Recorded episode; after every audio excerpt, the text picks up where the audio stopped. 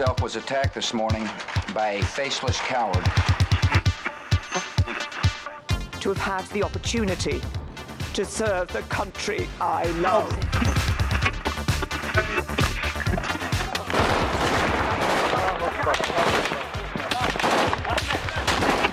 Den Einsatz für Frieden und Freiheit in Deutschland, in Europa und in der Welt. We will southern border. I beg you, please do not fail on this. Góðan dag og velkomin viðtækjunum. Þú ert að hlýða á heimskviður, fréttaskýringa þáttum Erlend Málefni, þáttum allt það sem ekki gerist á eiginni bláu. Þetta er fyrsti þátturinn. Ég heiti Guðmundur Björn Þorbjörnsson. Og ég heiti Birta Björnsdóttir. Við Guðmundur Björn erum rittstjórar heimskviðna sem er samstagsverkefni Erlendu deildar fréttastofur úf og rásar eitt. Og áður en við höldum lengra, Birta, þá kannski skuldum við smá útskýring á þessu nafni, heimskviður. Já, það varð á endanum ofan á þegar við vorum að velja nafnaðan ágæta þátt. Þetta er hins vegar ekkert algengt orð, það er ekki að finna víða og uppbrunni þess er eiginlega óljós. En þú komst nú að því eftir smá grúsk að orðið er að finna í málsáttasafni sér að Gunnars Pálssonar. Hann var prestur í Hjarðarholti í Lagsardal í Dölum og málsáttasafnið sem er frá 1782 uh, í því er að finna svoljóðandi málsátt.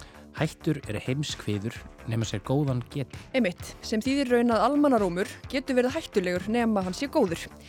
Á tímum falsfrétta og yfirflæðis upplýsinga sem er mikið umræður núna, þá er svo vísa líklega ekkert ofoft hveðin.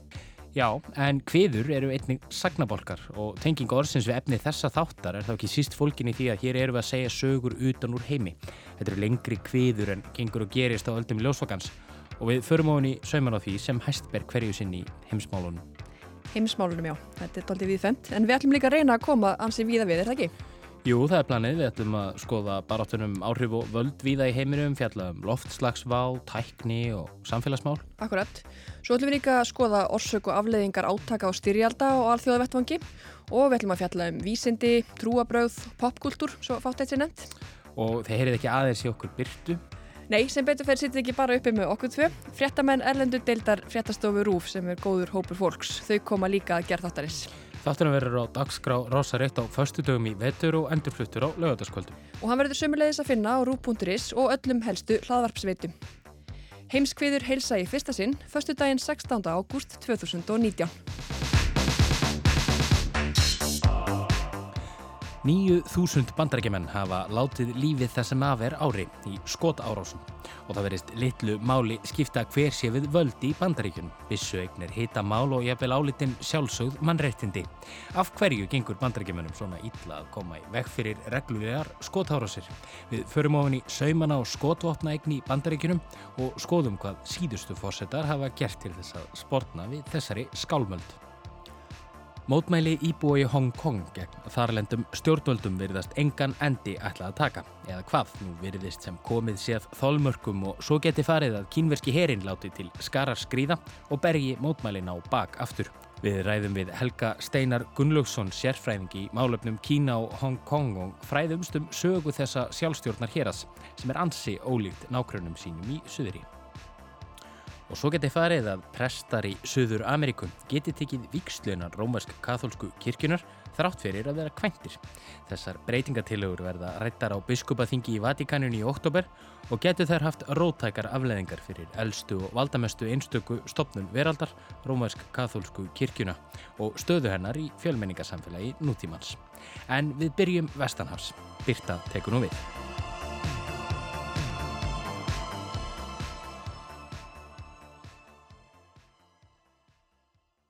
Javier Amir Rodríguez hafði dálæti á fótbolta, hafði æft sportið í einn 7 ár. Hann var 15 ára þegar hann var skotin til bana í vestlun Walmart í El Paso í Flórida. Þanga fóra með frænda sínum sem særðist í árásinni. Þarna heyru við frá aðtöfninni þegar Rodríguez var borin til gravar á sunnudaginn var.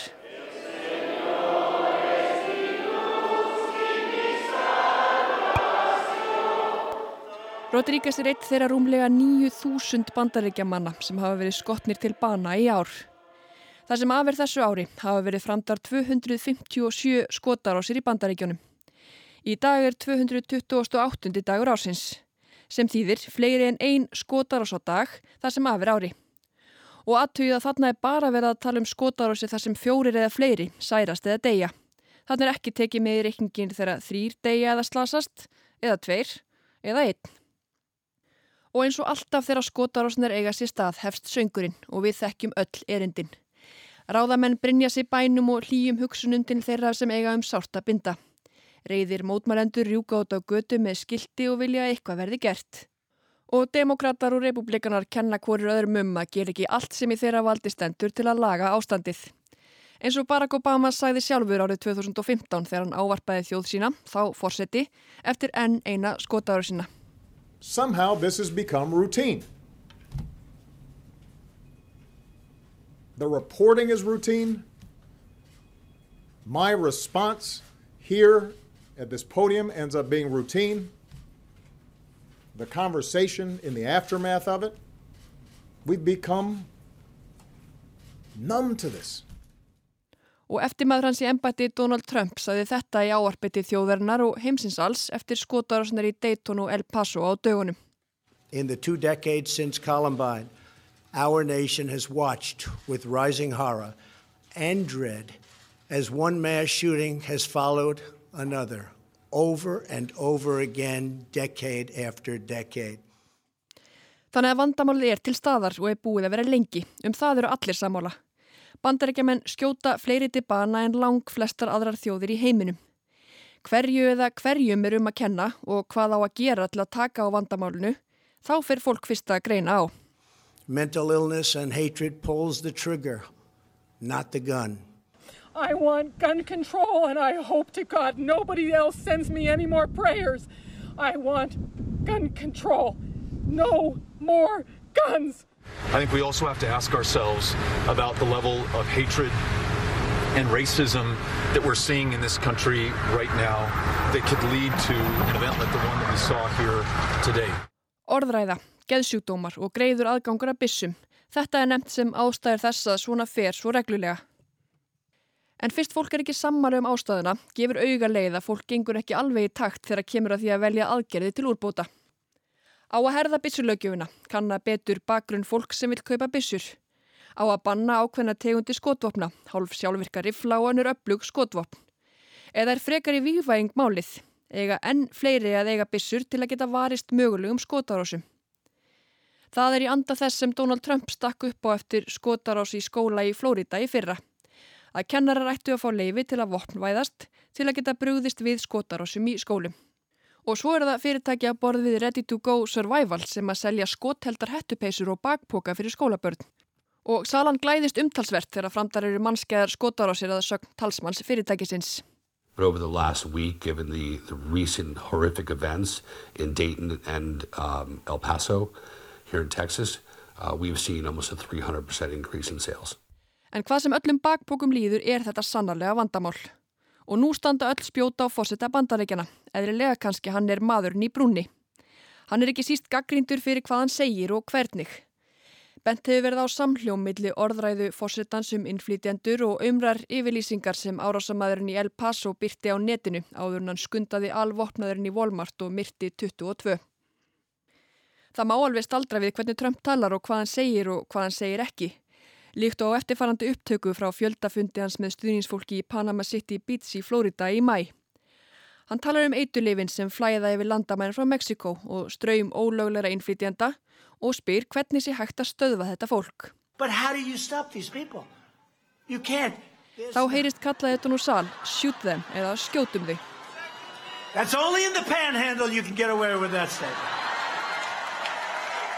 Trump kýmir, hristir hausinn og segir að framíkallarinn geti engöngu komist upp með viðlíka yfirlýsingar á þessu svæði.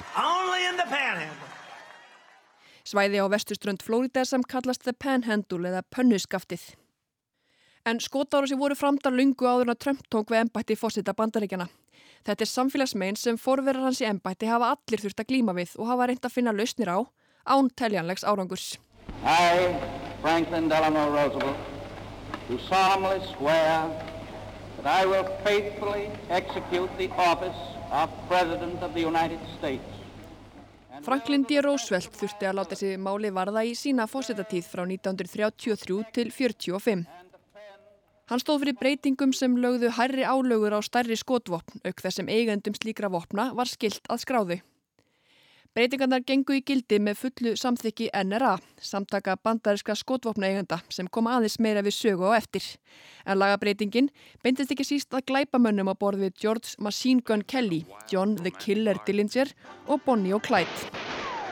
But almost before they knew it, with the giggles still in their ears, they had bloodied up four states.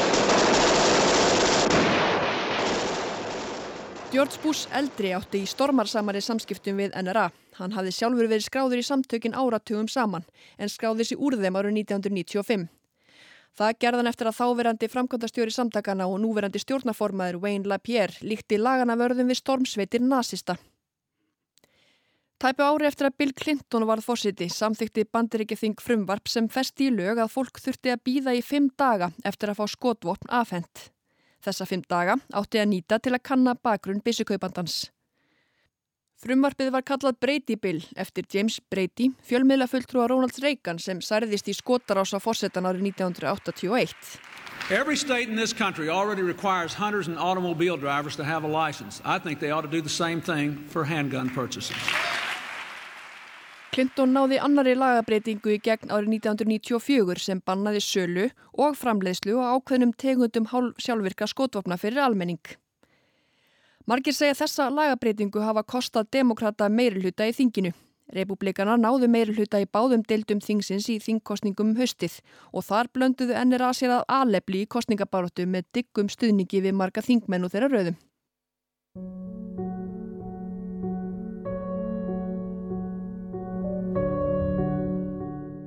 Þrátt fyrir lagabreitingar Clintons náðu tveir úlingar að skjóta 12 til bana í Columbine skólinum í Colorado árið 1999. Þrátt fyrir þá árás sem náði aðtikli heimsbyðarinnar allrar var Clinton ekki frekar ágengt í tilurnum til að skerða aðgengi fólks að bissum.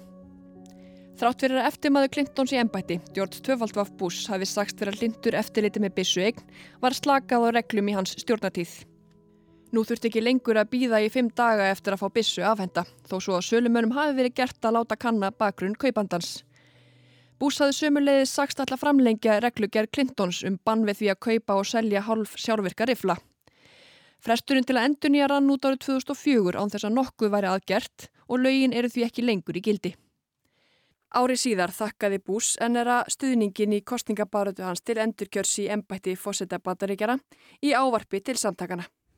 I was honored to have the endorsement of the National Rifle Association in last year's election. I am grateful for your support. Næst var komið að Barack Obama sem hafði ekki erindi sem erfiði við að koma hertum reglum um bissuegni gegnum bandaríkjaþing. Obama, sem því gerður heiðursfélagi hjá NRA, var harðorður í garð málflutningssamtakana um að lausnin við bissuglæpum væru fleiri bissur.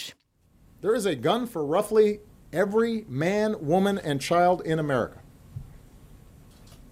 So how can you, with a straight face, make the argument that more guns will make us safer? We know that states with the most gun laws tend to have the fewest gun deaths. Og það er enda rétt, landslög eru eitt en ríkistjórar hafa margir sinn háttin á svo að lögum byssuegn eru aðeins mismunandi eftir ríkjum. Og nú er það Trump sem hefur tekið einhver skref í þessa átt og vil til að mynda láta hækka aldurstakmarka á byssukaup. En hann er ekki á því að aðgengið að skotvopnum sé vandamálið. Segir meðal annars að ofbeldisfullir tölvuleikir og geðheilbriði eða skortur á því sé ástæði þess að svo margir grípi til byssunar. Enga rannsóknir benda þó til þess að hlutvastlega fleiri bandaríkjaman glými við geðranna kvilla en aðrir.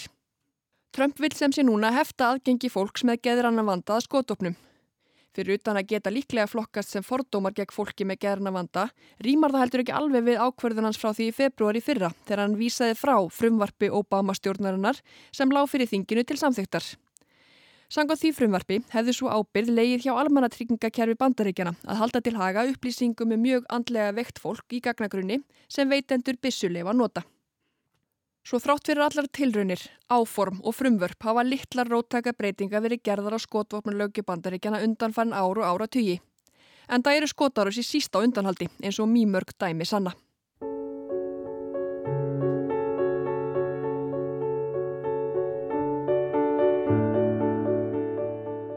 Það er ekki gert í fyrsta sinn hér en það er engu að síður áhugavert að bera bandaríkin saman við önnur lönd í þessum efnum. Það leiði vart sólarhingur frá því að bissumadur myrti 51 í Christchurch á Nýjasjálandi í mars þar til að lögum um bissueign var breytt í landinu. Ímis öflug vopn á borð við hálf sjálfveikari fla voru sett á bannlista og stjórnvöld buðist til að kaupa skotvopn af borgurum landsins. Skilabó stjórnvalda voru skýr. Við viljum gera allt til að koma í veg fyrir að svona nokkuð gerist aftur. Það sem er áhugavert við samanburðin er að fyrir skotárásuna í Christchurch var margt líkt með bandaríkjunum og Nýjasjálandi þegar skotvopn voru annars vegar. Frambóð og leifisveitingar voru margt líkar og í báðum löndum starfa öflug hagsmunarsamtök skotvopnaeganda. Hvernig gáttu þá nýsjálendingar breytt skotvopnulögjöf sinni í snatri? Á því eru auðvitað nokkrar útskýringar, þar á meðal skýr vilji fósettisráðara Nýjasjálands Jacindu Ardern. Our gun laws will change. Annað sem skiptir máli er kostningakerfi landana. Í báðum löndum er bissueign og stuðningur við hana mestur á meðal fólks á landsbyðinni. Vægi atkvaða í dreifbíli er mun meira í kostningakerfi bandaríkjana en á Nýjasjálandi. Fjölmörg dæmi má finna um þingmenn þeirra svæða sem þykja háa styrki úr sjóðum NRA. Donald Trump hefur sjálfur gantast með þessi ítök eins og í fyrra þegar hann satt fund með fulltrúum þingmanna og röðum demokrata og republikana til að sækja stuðning til að hækka aldurstakmark til byssukaupa úr 19 árum í 21. It doesn't make sense that I have to wait till I'm 21 to get a handgun, but I can get this weapon at 18. I don't know. So I was just curious as to what you did in your bill. We, you don't we address didn't, it? we didn't address it, Mr. President. Look, I think You know we- why? Because you're afraid of the NRA, right? I think you underestimate the power of the gun lobby. No, no, I'll tell you what. They do have great power. I agree with it. They have great power over you people. Og þarna, enn og aftur, er talað um NRA.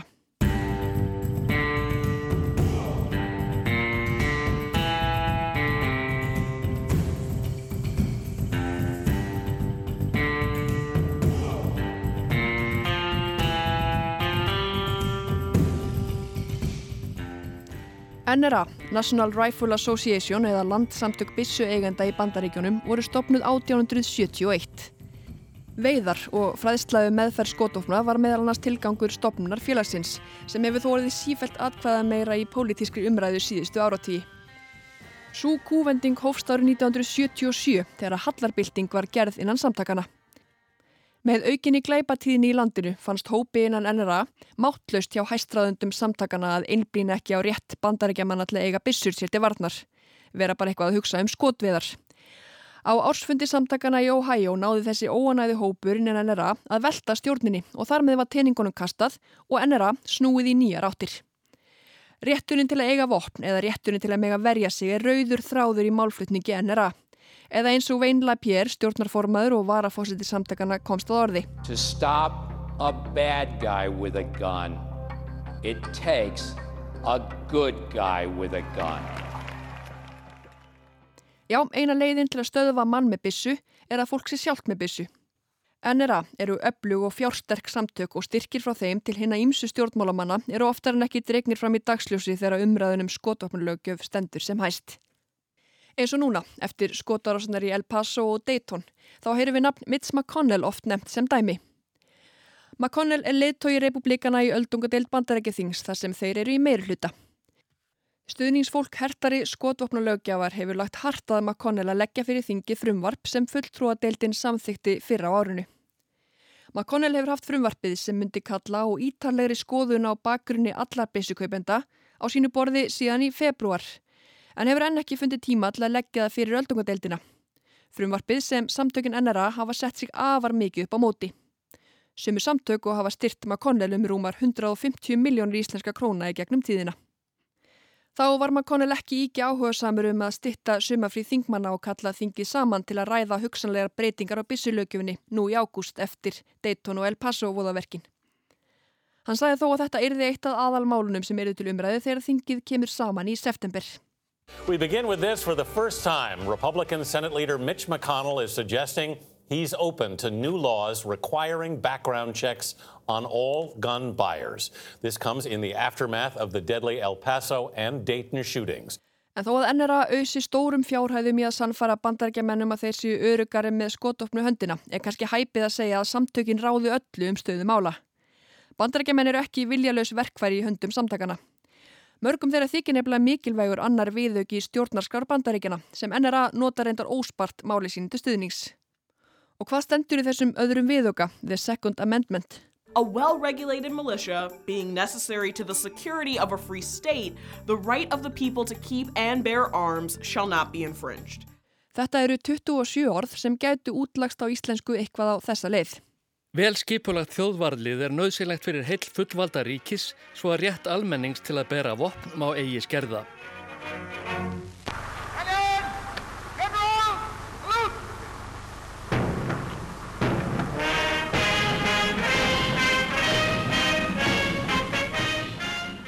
Viðaukinn var staðfestur í desember árið 1791 og voru helstu verkefni þjóðvarðliðis þá engum baráttan við breska herin. Um tólkun á viðaukanum hefur verið tekist á fyrir domstólum nokkrum sinnum. Framanna var það helst tólkun á þjóðvarðliði, hverjir móttu stopna slíkt og í hvaða tilgangi og hvaða vopn mótti það bera. Síðari ár hefur síðari hluti viðaukans verið í aðalhutverki, réttur fólks til að eiga og bera skotvopn. Því þó svo að mikill meirulhutti bandergjamanna sé hlindur hertara eftirliti með byssukaupendum eru færið þeirra til í að gefa eftir stjórnarskrárvarin réttindi sín. Svo vitum við auðvitað líka að ákvarðanir eru ekki teknar í skoðanakönnum. Þær eru teknar með kjörselum í kostningum. Svo meðan stuðnisfólk stjórnarskrárvarna réttinda til að eiga byssur er kjörið á þing og í fósættastól verða líklega litlar breytingar á fyrirkomulagin í landinu þar sem byssuegn er svo mesta í heiminum. Og meðan fósettin vil umfram allt skera upp herur gegn tölvuleikjum Second, we must stop the glorification of violence in our society. This includes the gruesome and grisly video games that are now commonplace. It is too easy today for troubled youth to surround themselves with a culture that celebrates violence. Þrátt fyrir að engar rannsóknir síni fylgni milli tölvuleikja nótkunar og ofbeldisverka og að bandrækjaman spilu tölvuleiki ekkert meira en aðra þjóðir. Þá næst kannski lítill árangur. Jafnlítill og náðst hefur undanfarna áratí. Alltaf sé ekki lýsandi fyrir þessar áherslur að verslunarstjórar Walmart fengu post frá hæstræðandum í síðustu viku með fyrirmælum um að breyta þess uppröðun í búðunum sínum. Allar auðlýsingar, myndbönd og útstillingar af tölvuleikjum, kvikmyndum og bókum sem sína á eitthvern hátt ofbeldisfulla hegðun verða ekki lengur til sínis í búðinni. Skambissur og önnur skotvopn verða hins veran þá seldi Walmart en í einni slíkri verslun voru 22 skotin til bana fyrir nokkrum dögum. Þó það sé nánast ógjörningur að halda nákvæmt bókaldi við slíkt er áætlað að um 857 miljón skotvopn séu í almenningsegni í heiminum. Bandarækjaman eru skráðir fyrir 46% þeirra. Bandarækjaman eru 4,4% jarðarbúa en eiga sem sé nær helming allra skotvopna í heiminum sem eru í eigu almennings. Allir verðast sammála um að skotar á sig síður hræðilegar og að þær þurfa stöðvað með öllum tiltækum ráðum. Tiltækur ráðin eru þó úr ímsum áttum. Á meðan einn hópurinn innbeitir sér að því að hefta aðgengi að bissum vil einn hópur herða eftirlit með bissukaupendum og enn annar hópur vil passa að fólk sjá ekki ofbeldisfylla tölvuleiki í búðum. Verður það þá ekki jafn árangursríkt og ef fjórir ætlað íta bíl upp brekku, einn ítir á hútið, annar á skottið og hinn er tveir kvor á sína hliðina. Bílinn fer líklega ekki íkja langt.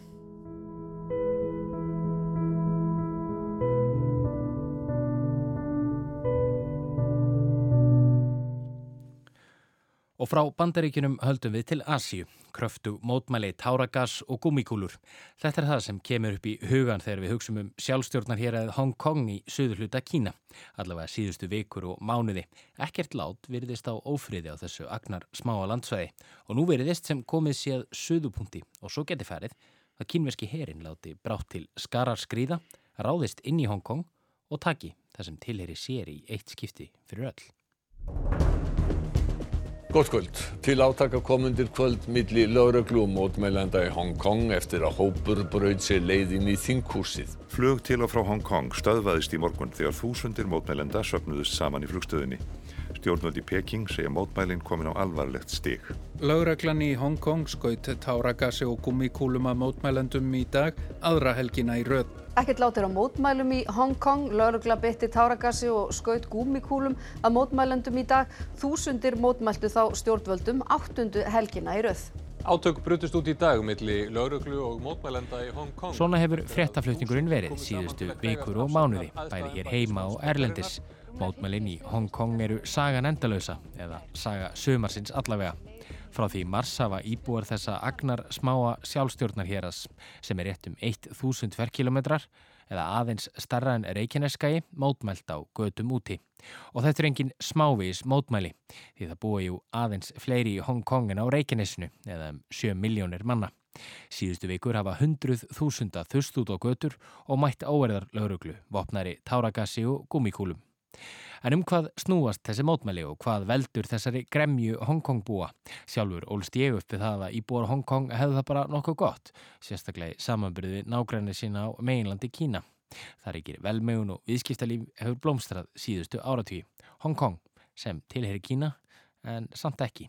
Það er kýmverskur frasi Shangao Huangdi Yuan fjöllin eru háhaupi og langt eftir keisarans. Með öðrum orðum því lengra sem þú ert frá höfuborginni því meir eftir svona á eigin báti. Þetta er Helgi Steinar Gunnlaugsson. Helgi er sérfræðingur í málöfnum Kína og Hong Kong og namn alþjóða samskipti í háskólanum í Peking. Helgi segir mér að Hong Kong sé heldur betur ekki Kína, heldur langt frá meginlandinu með sína siði og sína menningu. Hong Kong er þó hluti af Kína en enga síður með sitt eigið stjórnkerfi. Og það er rótina þeirri gremmju sem íbúar Hong Kong láta nú í ljósa á götum úti viku eftir viku. Til að skilja málið betur þurfum við að fara alla leið aftur til miðrar 19. aldar.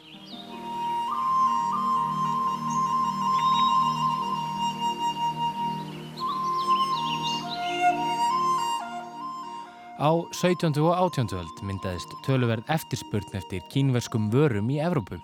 Breska heimsveldið stundaði verslun við Kína, einna helst með vörur eins og silki, postulín og te og greitu fyrir það með silfri frá Suður Ameríku. Viðskiptin fóru aðalega fram í Kanton, landsvæði í Suðurluta Kína þar sem eigin Hong Kong er. Fljótlega skapaðist þó ákveðin viðskiptahalli þar sem brettar kiftu mikið frá Kína en kínverjar hafðu lítinn áhuga á breskum vörum en breytar litu krók koma á móti bræði. Breytar náttúrulega þessum tíma voru með yfirstjórn á Indlandi og, og þeir áttu sig á því að það var reyndar ein vara hann sem þeir gáttu selta þeim sem var óbjum. Á Indlandi var nefnilega mikil og gjöful ópjumrækt og ópjumið reyndist breytum heldur betur góð útflutningsvara. En svo kemur í ljós að þeir er hann með vöru sem þeir geta gert á háða þannig að breytar henni gera alla þjóðin að háðað ópjum og hérna Alltaf kýmursku þjóðana? Meir, stóran hluta þeirra, það var bara rosalegt það var bara faraldur í öllu landinu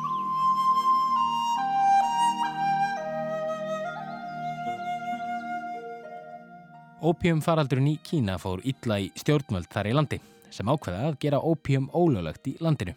Neistla ópjums hafði slæm áhrif á efnahein, eðlimálsins samkvæmt kannski. En kínverjar letu ekki staðarnum með þar heldur kveikja þeir í öllum ópjumbyrðum breyta í kantón og reka þá burt. Stærstu mistökin hins vegar eru þó líklega þau að ákveðað ráðast á breska sjóherrin úti fyrir ströndum Hong Kong.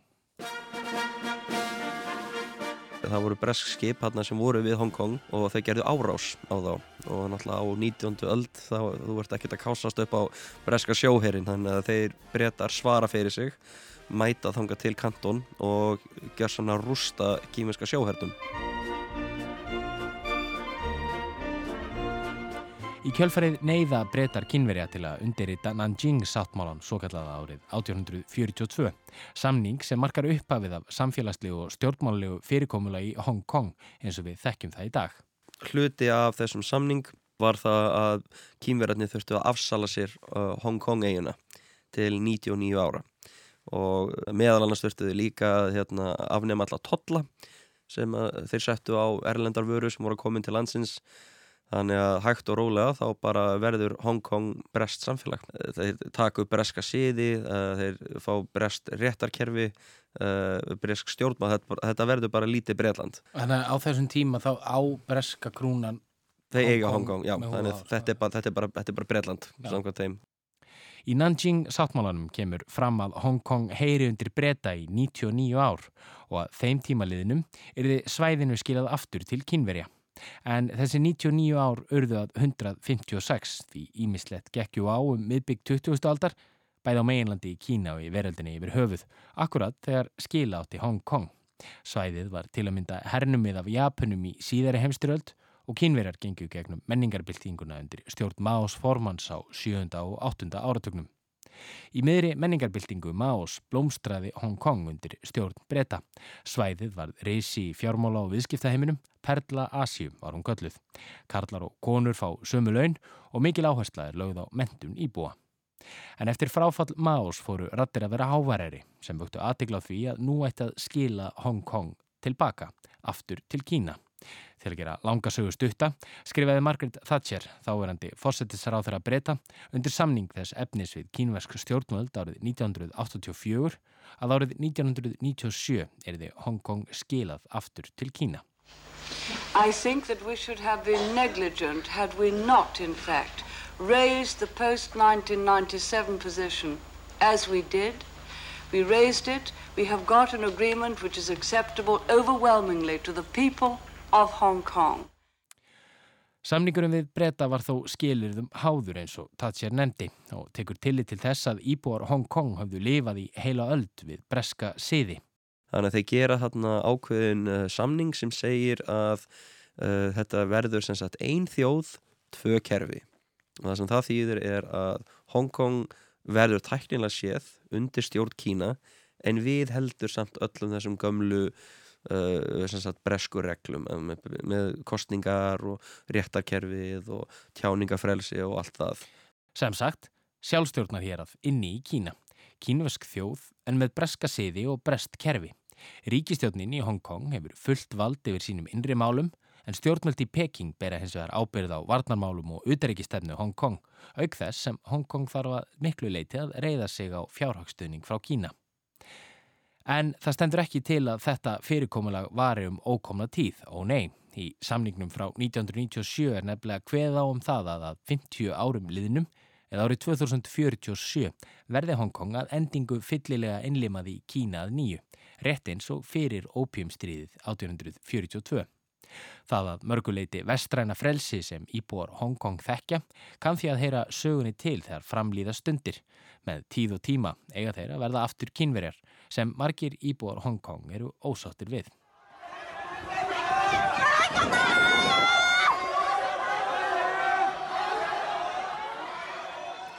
Og vikur þá sögunni að stöðunni í dag, mótmálunum sem hafa varið síðustu vikur og mánuði í Hong Kong og hafa fæst í aukana í hverju viku. Um síðustu helgi brúðu mótmændur á það ráð að leggja undir sig flugstöðuna á Hong Kong flugvelli með þeim afleðingum að öll umferðum þennan stóra alþjóðaflugvöll lagðist af á mánudaginn. Harkaleg mótmæli voru sömulegðis inni í borginni þar sem laurugla skaut gummikúlum að mótmælendum og beitti tárakassi, líkt og síðustu vikur. Upphaf þessara mótmæla má reykja til lagafrumvarps sem lagt var fram af heimastjóninni í Hong Kong í februar á þessu ári.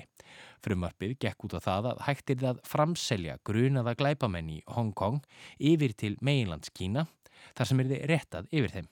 Íbor í Hong Kong sáu strax í gegnum þetta og vissu alveg hvað, hvað var á bakvið þetta sem var það að stjórnvöldi í Peking vildu geta, uh, þeir vildu sem sagt hafa aðgang að, að því að geta framselt uh, fólk Hong frá Hongkong til Kína ef þeir eru eitthvað að segja eitthvað stuðandi um stjórnvöldi í Peking. Þannig að þeir í rauninni sá að þetta var bara svona í rauninni leið til að koma fætinum inn fyrir dyrnar. Koma fætinum inn fyrir dyrnar eða, með öðrum orðum, færa Hongkong nær Kína, innlima Hongkong jafnvel í Kína. Það er ju það sem samningurinn frá 1997 hveður áum. Það er jú loka markmiðið. En mótmælinn í Hongkong færðust í aukana, svo mikið að frumvarpið var dreyið tilbaka um stundarsækir. I have almost immediately put a stop to the amendment exercise. But there are still lingering doubts about the government's sincerity or worries whether the government will restart the process in the Legislative Council. So I reiterate here there is no such plan. The bill is dead. Frumvarpið er döitt, segir Kari Lam, fósetti heimastjórnarinnar, þann 9. júni og reyndi að sefa þannig áhyggjur Hongkongbúa. En allt kom fyrir ekki, mótmælinn heldu áfram og afsagnar hennar var krafist. Þetta, þetta snýrist ekkit bara um þetta frumvarp. Þetta frumvarp var í rauninni bara eitt af mörgu sem er búið að fara í gremjuna hjá íbúðum í Hongkong. Helgi segir kínveri að hafa jæmt og þétt síðustu tvo áratvíi eða allt frá undirreitun samningsins 1997 reynd að koma fætinum inn fyrir dyrnar. Meðal annars reyndu yfirvöldi Peking að koma námskeiðum í kínveskri þjóðverðnisíkjúin í námskrá grunnskóla í Hong Kong. Árið 2014 voru kostningar í Hong Kong og þá vildu stjórnvöldi í Peking fá að ráða því hverjir byðu sig fram. Þá brutust út mikil mótmæli þar sem óreðar lögregla breytti táragassi og mótmælendur vörðu sig með reklífum. Eru þau mótmæli stundum kölluð reklífarbyltingin en mótmælendur fengu þar sínu framgengt. Þeir eru búin að sjá núna gegnum þess að senustu tvo áratvíi bara Kína er að reyna að taka meir og meir og meir og er að reyna að flýta fyrir þessu aðlögunaferli aðlegunar ferlinu sem hveður á um að Hong Kong verði með öllu kínversk borgað nýju árið 2047.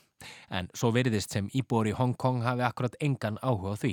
Hafandi verið undir breskri stjórn í 156 ár og haldið sínu kerfi frá 1997 er ljóst að svo þjóð sem þar býr er um margt ólíkt er í kínversku. Og náttúrulega veist þessi tvö samfélög eru eiginlega fyrir eitthvað ólík. Veist, mm. Hong Kong er náttúrulega Uh, fólk er mjög svona brest í sér það, fólk stendur í röðum uh, fólk þakka fyrir sér það er, það er bara svona ákveðin siðmenning það, það stangast svolítið á þessi tvö samfélag mm. þannig að það er alveg fullt af það er ágreiningur á milli Íbó, Hongkong og Meilandsins bara algjörlega óháða stjórnmánum líka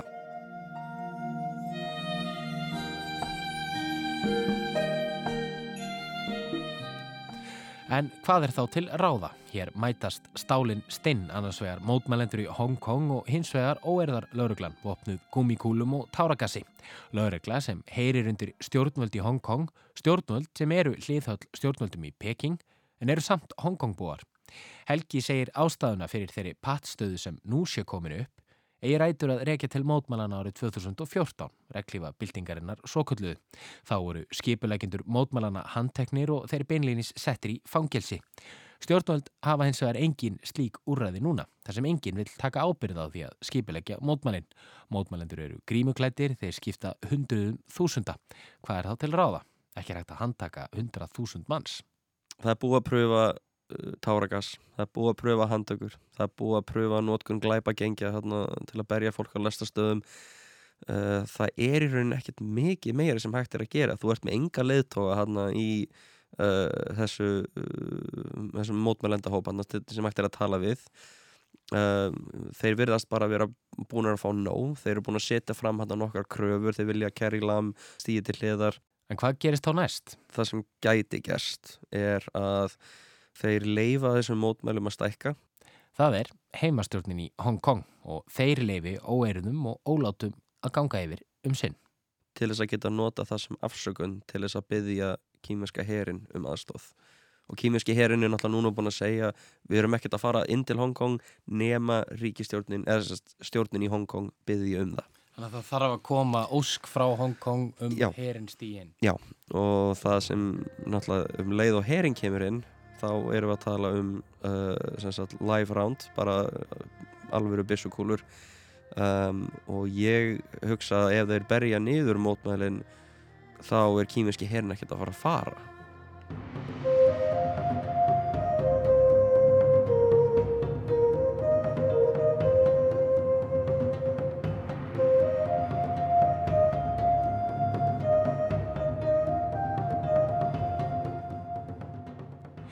Kínverski herin hefur sagt að hann fylgist náið með stöðu mála í sjálfstjórnar heraðinu Hong Kong og farið svo að hann ráðist inn á svæðið og brjóti mótmælina á baka aftur en ljóst á mótmælendur geta ekki borið hönd fyrir höfu sér.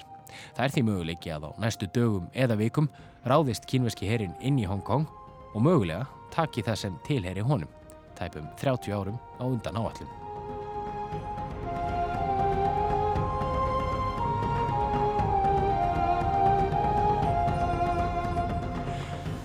Það verður forvitnilegt að sjá hvað gerist í Hong Kong á næstu dögum við þokkum Helga Steinari fyrir spjallið en færum okkur nú yfir í aðra sálba, bókstæðlega.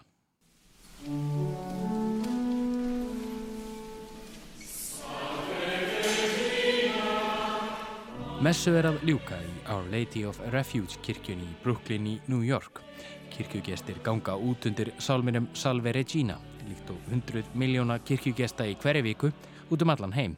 Heil sért þú drottning móðir miskunnarinnar, segir í sálminum. Til þín andurpum við steinjandi og grátandi í þessum tára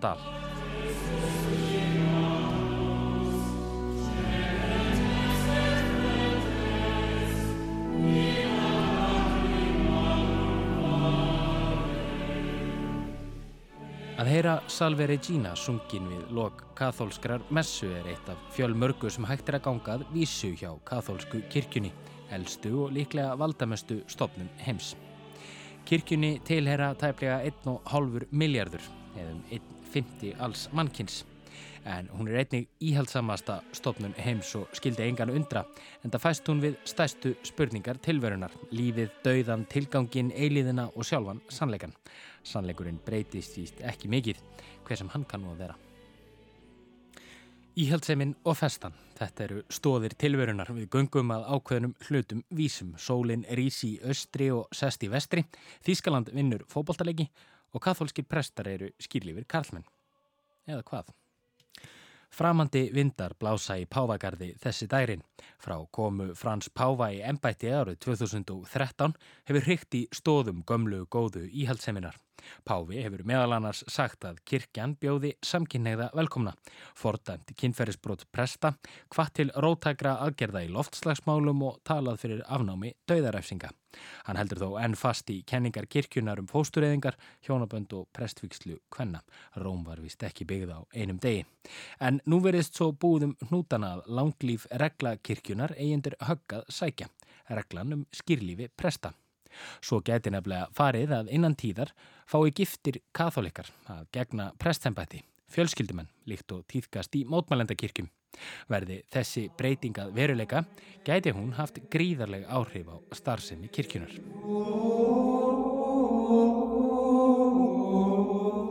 Nýverið bárust þau tíðindi úr Pávagarði að svo aldagamla hefð sem snýrað skýrlífi presta sé til endurskoðunar og kirkjan sé opinn fyrir því að giftir menn geti tekið prestvikslu. Álíktunin þykir marka ákveðin tímamót þótt hún nái aðeins til þeirra sem sinna presttjónustu á afskektum svæðum á Amazonsvæðinu, sögum skorsts á prestum. En það hefur kirkjan löngum talað fyrir skýrlífi vigðra þjóna. The Vatican formally opens debate on whether to allow married priests in the Amazon region. Reports say there are so few clergy in that region, Catholics can go weeks or months without Mass. Álíktunin er runnin undan revjum katholskra biskupa á Amazonsvæðinu verður rætt í þaula og biskupaþingi í Vatikanjunni í oktober. Þar sem biskupar frá Brasilíu, Bólivíu, Peru, Ekvator, Kolumbíu, Venezuela, Gævana, Súrinam og frönsku Gævana koma saman. Álíktunin hefur vakið töluverða aðtegli, ekki síst vegna þess að hún opnar fyrir samtal milli aðstu ráðamanna kirkjunar og almennings um hvort og hvernig megi slaka á reglum um skýrlífi presta. Möguleikin á breytingu af þessari stærðargráðu sem myndi breyta alltaf gamalli hefð er þó líkleg til þess að valda usla. Vinnutitill hugmyndarinnar er á latinu Viri Probati eða Degðugir menn og í henni er þess óskað að hægt verði að výja eldri, giftuga og stönduga fjölskyldumenn til hins heilaga prestsembættis. Það sem erfitt hefur reynst að sinna presttjónustu á stórum svæðum í Amazon. Áður en lengra er haldið er þó verðt að nefna að það eru vissulega til kirkjur innan katholsku kirkjunar sem heimila það að prestar séu giftir menn. Ber þar helst að nefna Maronita í Líbanon og Melkita fyrir botni Miðjarhafs. Þessar kirkjur tilera hins vegar austur katholsku kirkjunni þótt þar heyri vissulega undir Vatikanið. Í vestri og hinnum latneska hluta kirkjunar hefur minna farið fyrir giftum prestum. Þó hafa nokkrir giftir prestar úr röðum anglikansku kirkjunar á Englandi tekið vikslu sem katholskir. Og fyrst svo er, er verðt að spyrja sig hvers vegna álíktun biskupana í Amazon komi þá til með að valda usla, verði hún samþygt? Jú, vegna þess að hér ræðir um hjarta katholsku kirkjunar, sjálfa Suður Ameríku, höfuð víi latnesku kirkjunar. Hvergi er kirkjan jafn sterk í heiminum og í Suður og Mið Ameríku? Hún er því ekki aðeins umdelt svo ákverðun að leifa giftum mönnum að víjast heldur gæti hún haft þær afleðingar að pressa aukist í latneska hluta kirkjunar um að výja gifta menn.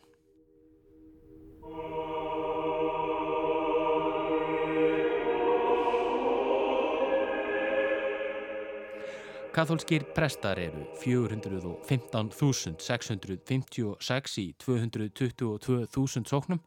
Þeir eru allir karlar og þeir eru allir skýrlífir. Eða þeir eiga allavega að vera það. Fyrir utan þær fáu undantekningar sem fyrir finnast í kirkjunu um gifta presta eru mýmörg dæmi þess að prestar hafi eignast börn átt hjákonur og eins og allir þekkja misnúttat börn. Þó sé vissulega munur á því að stunda kynlíf með samþykki og kynferðislegu ofbeldi er ljóstað skýrlífskrafan hefur einst fjölmörgum katholskum prestum erfið. Og hvers vegna? Hvaðan kemur þessi krafa um skýrlifi katholskra presta, reglan sem allir þekkja og eru gerðan fyrstu húrenningatengslinn þegar fólk heyrir minnst á kirkjuna, sé það ekki sjálft katholikar.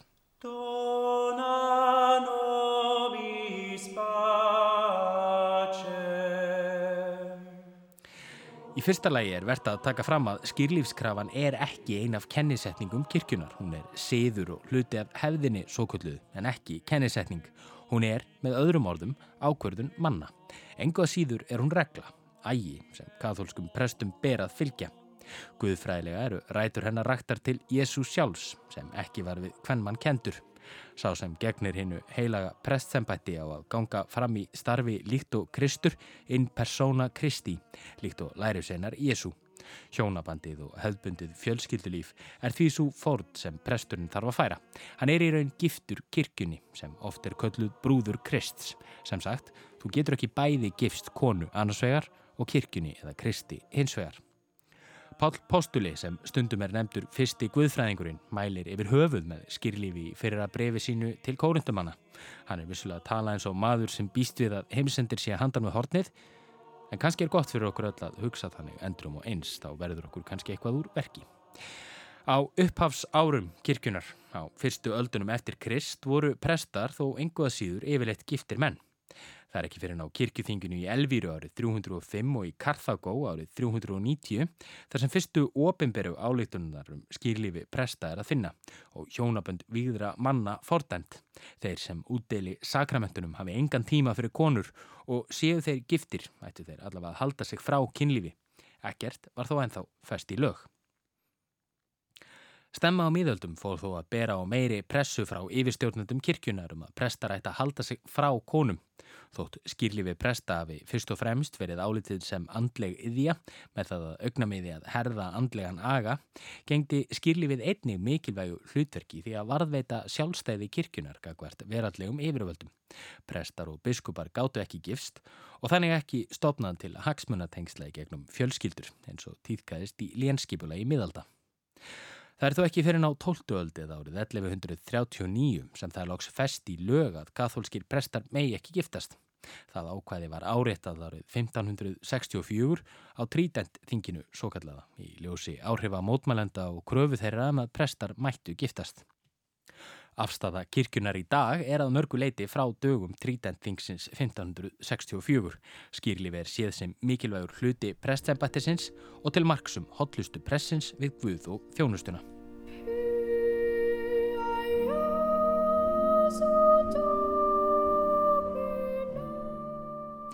En kirkjan hefur fengið sinn skerfa af gaggrinni fyrir þessa skýrlífskröfu og þá byrði sem hún leggur á þjóna sína og er mjög umdelt fyrir margara hlutasakir.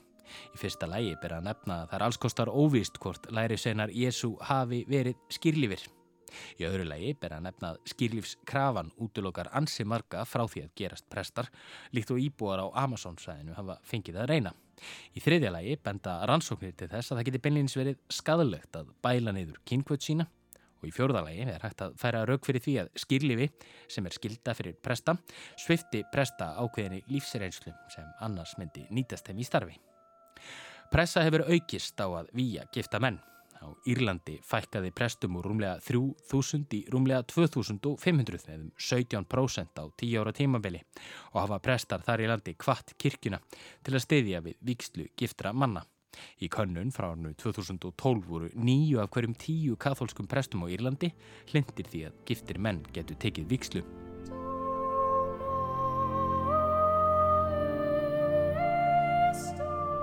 Árið 1992 ítrekkaði Jóhannes Páll Páfi annar skýrlífskröfuna. Kirkjan er brúður Krists. Það verður því fróðlegt að fylgjast með viðbröðum hins að mörguleiti rótæka Frans sem nú situr á Páfastóli við því sem kann að gerast á þingi Amazon biskupa í Vatikaninu í oktober. Þegar Frans gengdi stöðu erkibiskups í heimaborg sinni Buenos Aires sagði hann að skýrlífið snýrist fyrst og fremst um aga, ekki trú. Í augnamblíkinu væri hann fylgjandi skýrlifi þar sem við búum við tíu alda reynslu að því og hún hafi mestmægnis verið góð. Í hefðinni sé vikt og góð gildi. Nýverið tjáði Páfi sig um komandi biskupaþing en komst fimmlega hjá því að ræða þessar rótæku hugmyndir í þaula.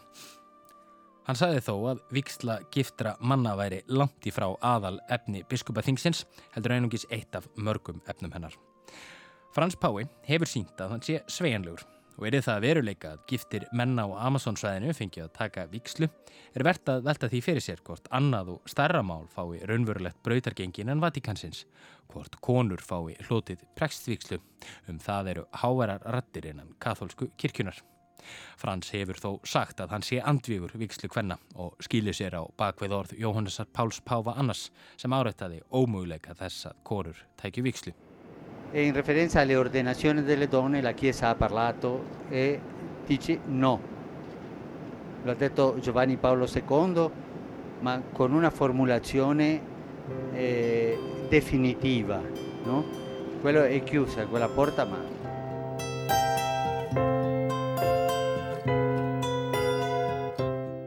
Dyrnar eru lokaðar fyrir konum, að minnstakostum stundarsakir, en sjáu latneski hluti kirkjunar sér fært um að výja gifta karlmenn til þjónustunnar er tíu alda gamalt výi fallið og ef það getur fallið þegar kannski ekki svo vittlaust að álíktað í náinni framtíð sjáum við kvennpresta í katholsku kirkjunni. En eitt er vist, hvað svo sem gerist á þinginu. Hvað svo sem verður skeggrætt og karpaðum er ljóstað engar breytingar verðaði veruleika nema með blessun aðsta ráðamanns kirkjunar Frans Páva.